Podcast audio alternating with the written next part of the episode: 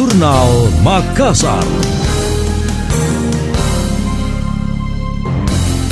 Saya Emil Faris dalam Jurnal Makassar.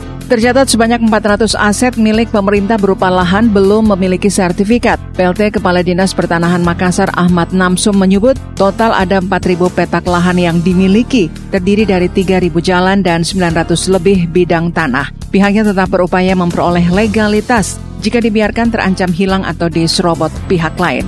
Narsum menyebut jika ada lahan pemerintah yang telah diduduki oleh warga. Menanggapi hal itu, Wali Kota Makassar Dani Pomanto mengaku berencana membentuk tim pemburu aset untuk menyelamatkan aset yang bersoal dan menjadi incaran mafia tanah dengan melibatkan Badan Pertanahan Nasional BPN, Pengacara Negara, dan Komisi Pemberantasan Korupsi KPK capek kalau menjelaskan ini soal mafia tanah itu pasti ada di belakangnya pasti ada di pemerintahan juga bos kongkol ini saya sudah ngomong di KPK begitu pasti ada orang dalam makanya saya lihat dua tahun ini luar biasa kerusakan birokrasi. Terutama ini paling nyata ini adalah fasum fasos. Dulu waktu saya jadi wali kota pertama, tidak ada fasum fasos yang teregistrasi. Dan saya berhasil mensertifikatkan ratusan, 400 kali. Aset-aset tidak pernah disertifikat. Saya ambil sertifikatnya balai kota. Di zaman saya itu, balai kota saya tidak sertifikatnya di, ah, dikasih.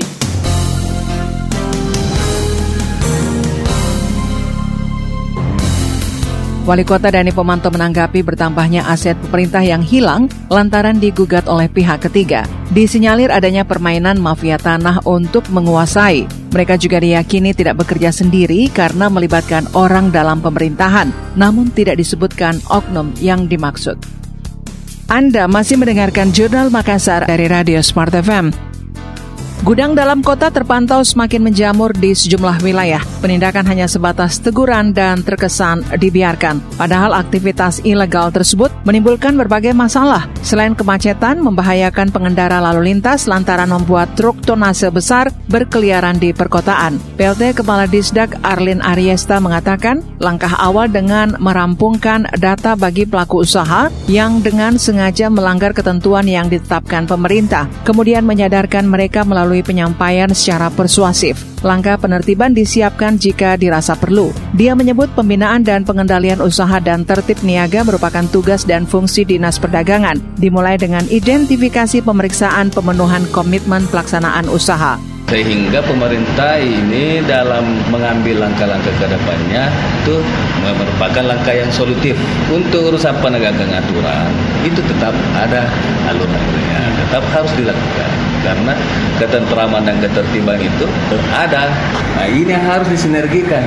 Di satu sisi kita mau penegakan aturan, di satu sisi kita mau bagaimana penyelenggaraan aturan ini apa untuk pelaksanaan pemerintah ini berjalan.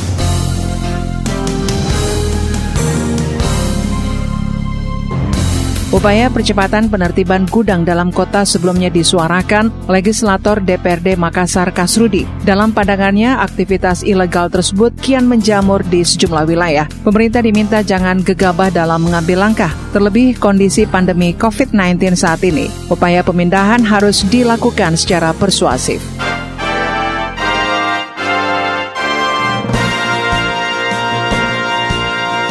Demikian tadi, Jurnal Makassar.